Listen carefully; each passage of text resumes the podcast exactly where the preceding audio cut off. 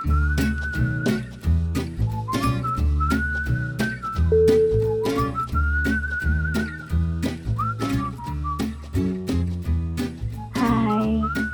uh, selamat datang di podcast uh, dari Bus Kota. Oke, kali ini uh, kita akan bikin audio story lagi, uh, yaitu buku yang mau dibaca adalah bukuku yang judulnya Satu Ruang, terbit tahun 2017 uh, ceritanya sendiri ini tentang pertemuan Satria dengan dua cewek. Sebelumnya sebenarnya ini adalah tokoh dari uh, novel pertamaku yang judulnya Secangkir Kopi dan Pencakar Langit. Uh, menceritakan uh, satu ruang ini menceritakan uh, kejadian setelah secangkir kopi. Jadi uh, Satria ketemu sama dua cewek uh, Kinan dengan Sabrina yang karakternya bertolak belakang dan uh, di situ dia kayak yang uh, apa ya harus memilih nggak memilih juga sih dia belum di situ saat itu belum memilih kayak lebih ketemu dengan dua orang dan kayak yang yang satu uh, apa ya dia kayak uh, bercermin karena punya punya background story yang sama sama dia. Yang satu tipe cewek yang hmm, seleranya dia sih kayak fun uh, seru gitu. Terus dia kayak bingung dikasih dua cewek kayak gini dia harus approach yang mana? Oke. Okay. uh, bab yang mau dibaca kali ini adalah bab 2 yang judulnya Till We Meet Again. Jadi ini uh, bab tentang pertemuan Satria sama Kinan. Uh, setelah sebelumnya, oke okay, bab pertamanya mereka baru ketemu di Hong Kong. Jadi Satria lagi jalan jalan-jalan sama keluarganya. Terus gak sengaja ketemu Kinan yang kebetulan lagi di Hong Kong juga karena uh, dia tuh lagi seminar workshop dari kantornya kebetulan hotelnya mereka tuh sama terus mereka ketemu dan ngobrol-ngobrol dikit lah. Terus uh, Satria kayak yang wow cewek ini boleh juga. Tapi akhirnya nggak dapat kontaknya terus kayak hilang begitu saja. Nah di bab dua ini mereka ketemu lagi. Oke. Okay. here we go. Satu ruang uh, bab dua. Till we meet again. Iya, lo nanti temenin gue ya ke nikahan ntar. Perintah kakaknya di suatu Sabtu pagi. Kala itu Satria lagi asyik-asyiknya menonton serial Westworld di TV sambil mencemil kulit ikan. Mas Indra ke mana emang? Satria menatap kakaknya heran. Flight dari Semarang kan jam 4 sore nanti. Kasian dia kalau gue langsung todong ke nikahan temen gue. Jadi ya semula aja deh, ujar Putri sambil mengulek-ulek cabai di dapur. Harus sama gue banget. Sendiri aja kenapa sih? Satria masih berusaha berkilah. Hari Sabtu kan jadwalnya dia futsal. Karena lo adik gue dan lo ganteng, jawab Putri asal teriak dari dapur. Alasan macam apa itu? Omel Satria dalam hati. Emangnya kalau gue ganteng, kenapa gitu? Dijadiin pajangan? Mamanya langsung keluar dari dapur. Duduk di sebelah Satria. Udah, turutin aja ya. Ujar mamanya menepuk-nepuk paha Satria sambil mengambil kulit ikan dari toples yang Satria pegang. Aku mau main bola, Ma. Minggu lalu udah enggak. Masa sekarang absen lagi? Ngapel kok sama bola? Ya, ya. Nggak mau nyetir malam-malam? Iya. Kata Mas Indra, lo aja yang nganterin gue. Ujar Putri akhirnya. Satria masih menimbang-nimbang merelakan jadwal futsalnya atau tidak. Mama, pu pu pu pu pu. Mika meronta-ronta ke Putri. Om iya, tolong dong ini si Mika mau pup-pup. Tangan gue penuh cabai nih. Teriak Putri lagi. Mika memang sudah terbiasa nggak pakai pampers kalau di rumah. Sudah bisa bilang ke ibunya waktu mau pipis atau buang air besar. Tapi kalau tidur, pampersnya masih dipakai buat jaga-jaga. Satria pun langsung memanggil Mika. Sini Mik, sini sama Om Mika pun menurut. Mengikuti Satria ke kamar mandi. Saking kecilnya Mika dan takut anak itu jeblos di kloset, Satria pun memegangi Mika sambil berjongkok. Dilihatnya wajah bengong lucu Mika yang berusaha mengeluarkan ampas-ampas dari ususnya. Mik, ya ampun Mik, mama kamu tuh ya Mik, bosi bener. Semoga istri kamu ntar gak kayak mama kamu ya bosinya. Doain Mik, istri om iya nanti gak kayak mama kamu rewelnya. Satria sempat-sempatnya curhat colongan sama Mika yang mukanya plongo dan lucu banget waktu lagi ngeden. Plung. Nah, itu tuh jawaban Mika. Terus, Mikanya senyum-senyum cengengesan ke Satria. Satria pun menghela nafas. Udah belum, Mik? Mika menggeleng. Enggak. Maksudnya, enggak. Yang Satria artikan belum selesai. Satria bercerita lagi. Ah, kayak orang bener aja ya om, iya ngomongin calon istri Mik. Lagi, Mika tersenyum-senyum aneh karena sambil ngeden. Padahal ya, Mika juga gak ngerti omnya itu bicara apa. Plung! Lagi, Mika sukses mengeluarkan bom itu. Dah, kata Mika ke Satria. Udah nih, benar. Coba tunggu bentar. Kali masih belum selesai. Tanya Satria meyakinkan Mika benar-benar sudah selesai atau belum. Ditunggunya sekitar satu menit. Benar kan? Belum selesai. Setelah benar-benar selesai, Satria pun dengan sukarela membersihkan Mika. Belum selesai dipakaikan celana, Mika udah lari-larian lagi dengan celana dalam saja. Satria kejar-kejar Mika untuk memakaikan celananya. Semakin dikejar, Mika semakin merasa omnya itu ngajak main. Semakin kencanglah larinya sambil ngumpet di sudut-sudut rumah. Sudah menemukan Mika di celah antara lemari dan tembok, Satria langsung mengagetkannya sampai Mika tertawa geli, terbahak-bahak. Mendengarnya Satria juga ikutan ketawa. Ih, sini Mik, pakai dulu celananya, ntar digigit kecoa loh. Mau nggak digigit kecoa? Rayunya ke Mika. Sumpah Satria nggak tahu gimana lagi caranya membujuk anak kecil. Untung si Mika nurut walaupun sambil cengengesan. Putri yang melihat itu cuma bisa berdoa dalam hati. Semoga adiknya itu dapat perempuan yang baik, yang gak manfaatin dia, yang suka adiknya bukan karena tampilannya saja. Terus, si Mika lari-larian lagi. Satria sih cuek aja, yang penting Mika udah pakai celana.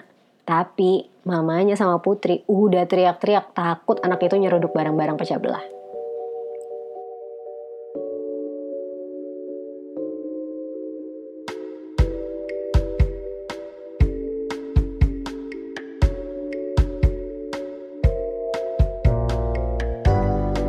Putri menggandeng Satria di acara nikahan.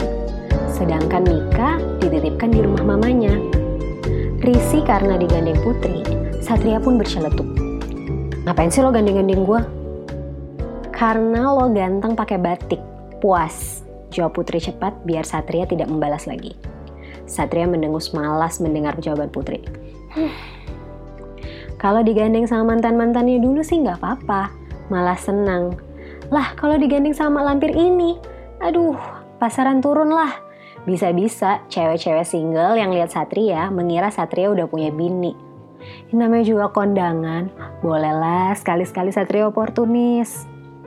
Kak, lo bikin pasaran gue turun tahu. Nanti kirain cewek-cewek, gue udah punya bini. Bisik Satria bercanda ke Putri. Yalah, kayak lihat cewek cakep berani langsung sosor aja. Lihat kayak Alisa aja lo udah mendadak tremor. Telak udah Satria. Putri tahu banget dari dulu Satria dekat sama Alicia. Apa-apa Alicia? Baru pulang dari Aussie yang dicari Alicia. Alicia mau makan apa aja, Satria langsung gercep, lari dari kamar siap-siap keluar. Pukul 2 pagi Alicia telepon, juga Satria ladenin sampai terkantuk-kantuk. Hal yang gak pernah dia lakukan ke mantan-mantannya. Padahal Alicia gak pernah berstatus jadi pacar. Akhirnya Satria ingat, hal gila apa yang pernah dia lakukan demi cinta. Apa-apa Alicia. Walaupun Alicia cuma sahabatnya. Cari cewek mah jangan kondangan ya, mereka bawaannya gatel. Langsung pengen berdiri di palaminan juga. Gue tahu, lo belum siap kawin kan? Ujar Putri lagi menggoda Satria. Hmm, kawin mah gue siap kak. Tapi kalau gue kudu bayar cicilan rumah, terus nungguin anak gue pup mulu, belum gue belum siap sih. Cukup si Mika aja ya. Tiap hari Sabtu aja si Mika tuh anak gue, bukan anak lo. Mandi maunya dimandiin sama gue. Makan maunya disuapin sama gue. Untung aja gue nggak bisa nenenin dia. Kalau bisa, pasti dia Sabtu nenennya sama gue. Putri mukul kepala Satria dengan kipas souvenir acara nikahan. Dasar bego, ngomongin nenen di sini Omel Putri yang melihat pandangan beberapa cewek dari tadi ke arah Satria. Astaga kakaknya ini ya bener-bener deh. Untung dia dapet yang tegas kayak Mas Indra. Kalau enggak kasihan banget suaminya. Omel Satria dalam hati. Udah dipaksa nganter, kakaknya ini juga nempel banget kayak perangko. Satria digiring-giring ke mana-mana. Setiap dia ketemu teman-teman kuliahnya. Dikenalin ke teman-teman ceweknya. Padahal teman-teman perempuannya Putri rata-rata lebih tua dari Satria. Iya bukannya apa-apa sih, Satria emang lebih suka cewek yang seumuran atau lebih muda. Ya entah kenapa, kayaknya dia kayak lebih terasa ngomong dan lebih dewasa aja. Kuti, gue mau makan sup sup dulu, boleh nggak? Bisik Satria ke kakaknya minta izin untuk pamit sebentar. Katanya lo mau kenalan sama cewek. Nah ini, gue lebih suka hunting sendiri daripada dikenalin. Jawab Satria asal biar Putri nggak nanya-nanya lagi. Putri pun mempersilakannya untuk beranjak. Ketika sedang menyeruput supnya, tanpa sengaja Satria menangkap sosok yang familiar di otaknya. Nyaris aja Satria tersedak sup. Seorang gadis memakai baju bodo, baju khas Makassar, yang dipadu dengan kain batik Jawa yang diserut, lalu diikat sedemikian rupa. Tungkai kaki ramping dan mulusnya itu dihiasi sepasang sepatu high heels 7 cm. Satria mencoba memperhatikan sol sepatunya. Berwarna merah atau bukan. Menelisik setiap lekuk tubuhnya. Pinggangnya ramping dan rambut panjangnya sebahu yang bergelombang di bagian bawah itu dibiarkannya tergerai. Ketika gadis itu balik menatapnya, Satria langsung tersedak sup dan batuk-batuk. Satria dapat melihat mata gadis itu yang juga terkejut melihat Satria. Ia pun melempar senyum sopan kepada gadis tersebut dan dibalas dengan senyuman juga. Baru mau menghampiri, eh si gadis sudah duluan berjalan menghampirinya. Mas Satria? What a small world! Serunya dengan senyum semeringah menyapa Satria. Hai Kenan, iya dunia sempit banget ya, masa kita ketemu di sini. Apa kabar? Sendirian aja. Satria coba menggali Kinan pergi dengan siapa. Ia juga cukup terkejut karena bisa ketemu Kinan lagi di sini. Bareng teman-teman kantor, pengantin perempuannya teman kantor saya. Mas Satria sendiri aja, nggak sama istri. Istri? Lah, anjir, gumam Satria dalam hati. Selama ini Kinan berpikir kalau Satria udah beristri. Jangan-jangan Kinan sempat lihat lagi Putri gandeng-gandeng Satria dari tadi, makanya berpikir Satria udah punya istri. uh, istri saya masih dirahasiakan sama Tuhan, jawab Satria sok bercanda sambil tertawa malu. Kinan justru membalasnya dengan tertawa pula. Oh, waktu itu pas Mas Satria bilang punya balita, belum sempat Kinan melanjutkan pertanyaannya, Satria langsung tersentak dan segera meralat. Eh, enggak. Isu keponakan saya maksudnya. Waktu itu saya liburan sama keluarga kakak saya. Kinan tersenyum seolah malu karena sudah salah sangka. Kinan, kamu GAB mana kantornya kalau boleh tahu? Oh, um, di dekat Atma Jaya, Mas. Kenapa? Oh, nggak apa-apa, teman saya ada di GHB juga. Tapi kayaknya yang ditamrin. Kali aja kenal. Tanya Satria mencari-cari obrolan agar tidak berpisah dengan Kinan. Oh ya, siapa namanya? Mungkin saya kenal kalau dia ODP. Soalnya ODP kan suka diputar-putar penempatannya.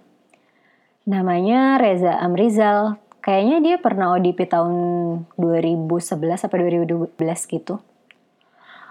Oh, Mas Reza, saya tahu kayaknya. Dia marketing deh kalau nggak salah sekarang. Saya kenal gitu-gitu aja sih, soalnya nggak satu divisi. Oh, iya dulu dia teman kampus saya, padahal kita anak FMIPA, tapi dia malah jadi marketing sekarang. Kamu bagian apa, Nan? Eh, Kinan agak terdiam sebentar mendengar Satria memotong namanya Nan. Kemudian ia mulai bersuara kembali. Uh, saya di uh, risk analis, Mas. Kinan tersenyum canggung ke arah Satria. Mas Satria sendiri di perusahaan apa? Gantian Kinan yang mulai menginterogasi Satria. Uh, di Wickman, manufaktur otomotif gitu. Wah, bagian apa mas? Mata Kinan terlihat interested. Quality assurance produksi. Tapi di head office ya mas? Iya, sering ke kantor Cikarang juga sih. Sedang asik-asiknya mengobrol dengan Kinan, Putri datang mengganggu. Satria melihat mata Putri yang memandangi Kinan. Satria tahu sekali Putri menahan diri untuk segera men-scan Kinan dari atas sampai bawah. Um, Kinan, kenalin ini kakak saya Putri. Uh, ini Kinan, kita pernah ketemu di Hong Kong. Eh, tahunya ketemu lagi di sini. Ternyata mempelai perempuannya teman sekantornya Kinan. Ujar Satria mengenalkan Kinan ke Putri. Kinan pun tersenyum sopan mengulurkan tangannya untuk bersalaman dengan Putri. Dan Putri membalas uluran tangan dan senyuman Kinan. Wah, dunia sempit ya. Mempelai laki-lakinya teman kuliahku. Ujar Putri ramah ke Kinan. Iya, makanya lucu banget nih bisa ketemu lagi di sini. Kinan tertawa kecil. Orang cantik kalau senyum makin cantik, pikir Satria. Mata kenari dan bibir tipisnya itu kalau udah senyum, hmm, klesi abis. Lalu seseorang memanggil Kinan untuk acara sesi foto. Kinan pun berpamitan pada Satria dan Putri. Nemu aja lo cewek macam Kira Knightley di Hong Kong. Komentar Putri yang masih memperhatikan punggung Kinan. Matanya Olivia Wilde tapi ujar Satria yang juga masih memandangi punggung Kinan. De, merhatiin amat lo matanya dia, goda Putri sambil mendorong-dorong bahu Satria. Satria cengar-cengir malu sambil menggaruk-garuk kepalanya yang sebenarnya tidak gatal. Dia princess Aurora tuh kak. Palelo princess? Ih, otak ngaco banget sih. Kepikiran dari mana coba kalau dia princess? Ya pas lihat dia pertama kali langsung kebayang senyum dan matanya Aurora. Putri langsung mendelik ke arah Satria. Kenapa? Gue gak boleh tahu soal princess. Tanya Satria menanggapi tatapan tajam kakaknya. Salah sendiri lo ngajak gue ke Disneyland. Jadi kan gue kebayangnya Disney Princess. Iya nggak princess juga. Iya, aneh banget fantasi lo. Ya astaga, kalau di fantasi gue ya nggak Disney Princess lah, Kuti. Tetap Olivia Wilde.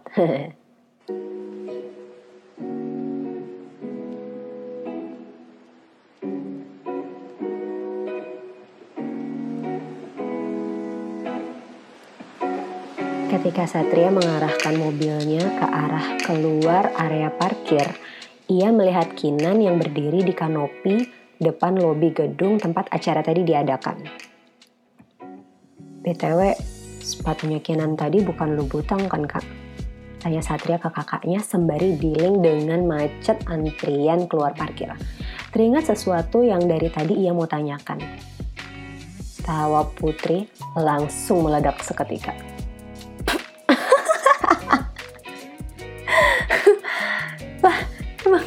Kenapa kalau lu butang?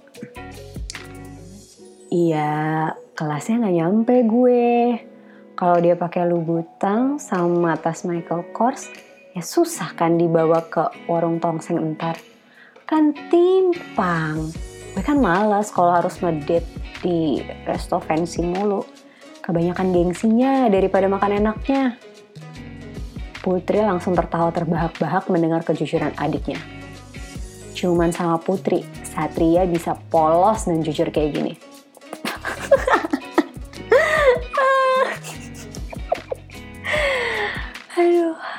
sepatunya itu ya kalau gue nggak salah terkasih masih ya sekelas Nine West lah bukan Lutang atau Manolo gitu tapi ya main West aja tuh 6 digit ya harganya.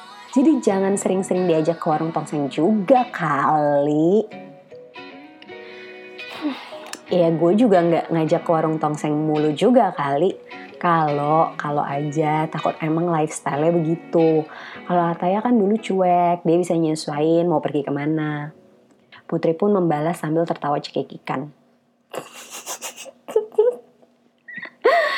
udah ngomongin date aja loh. Emang udah dapet nomor handphonenya?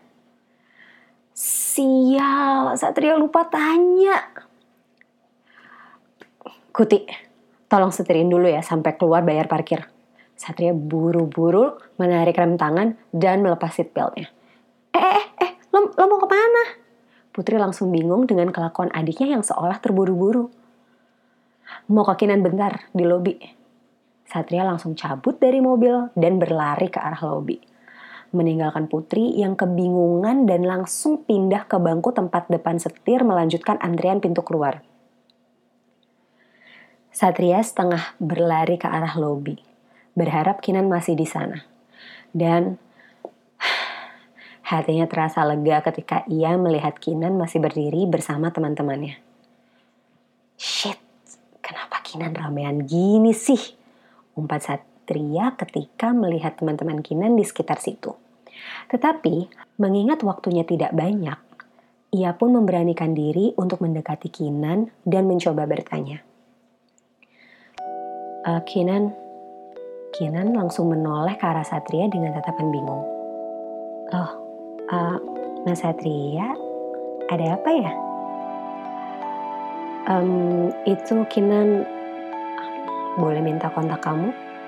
Tanya Satria ragu-ragu. Malu dan tidak sabar, rasanya campur aduk di benaknya. Uh, buat apa ya mas? Tanya Kinan yang terdengar bingung. Ya memang random banget sih sebenarnya Satria langsung tanya begini. Mereka kan baru kenal, baru juga mengobrol beberapa kali. Otak Satria langsung berputar, berusaha mencari alasan. Dan hanya alasan ini yang keluar. Um, buat nanya-nanya itinerary ke Maroko. Anjir, bego banget lo saat speak abis najis, bego, bego, nggak bisa main alus, seradak suduk. Ke mana hilangnya skill modus lo? Empat Satria pada dirinya sendiri dalam hati. Satria dapat melihat rona merah jambu di pipi Kinan. Gadis itu tersenyum malu penuh arti, kemudian memberikan nomor ponselnya pada Satria. Bodoh amat, persetan sama speak speak. Yang penting nomor Kinan udah di tangan. Hahaha balas Satria dalam hati keumpatan yang tadi.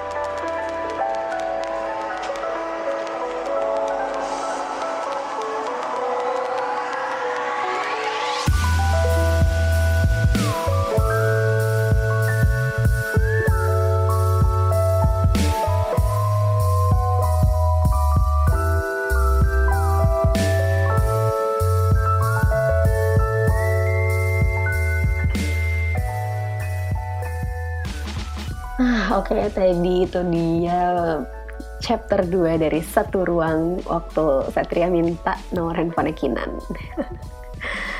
Review sedikit. Uh,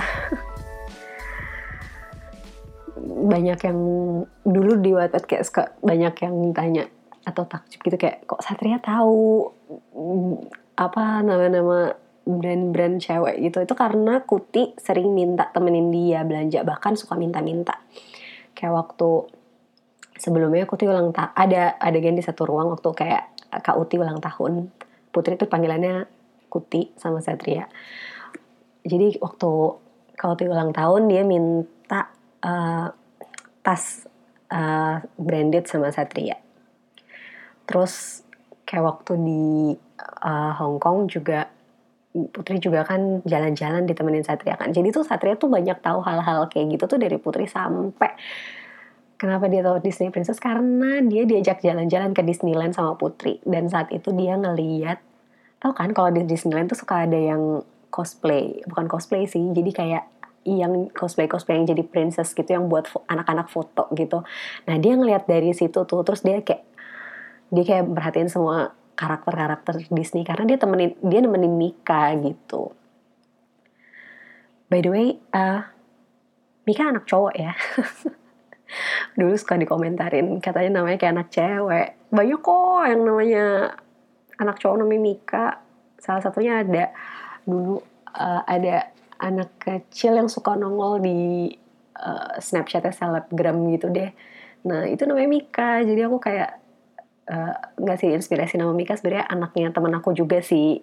Anaknya cowok juga jadi malah yang aku tahu rata-rata namanya ini ya namanya nama anak cowok. Uh, terus kan Satria orangnya suka judgmental banget ya maksudnya dari dari secangkir kopi dan pencakar langit kan dia judgmental banget. Kalau misalnya sama cewek tuh cewek pakai apa dia bisa ngukur kayak dia bisa mem, dia memperkirakan kayak nih cewek uh, biasanya jalannya ke mana bergaulnya di mana tipe orang yang kayak apa nah Kinan tuh ya dia judgmental dari situ sih tapi nanti di seiring jalan uh, cerita akhirnya dia tahu kalau uh, dia nggak bisa sembarangan ngejudge Kinan lah gitu. Oke, okay. um, ya udah sekian dulu book readingnya. Nanti kita book reading lagi mungkin episode selanjutnya uh, bab berapa ya? Uh, uh, uh, bentar, bentar, bentar, bentar, bentar, bentar. Oh, ini bab 13 Can You Hear the Sound itu waktu Satria ketemu Sabrina terus ketemu Abi juga Oke, okay. tungguin ya uh, book reading selanjutnya. Terima kasih sudah mendengarkan. Dan sampai ketemu lagi di uh, book reading selanjutnya atau podcast selanjutnya. Oke, okay, terima kasih sudah menikmati perjalanan dengan bus kota ini. Sampai ketemu lagi.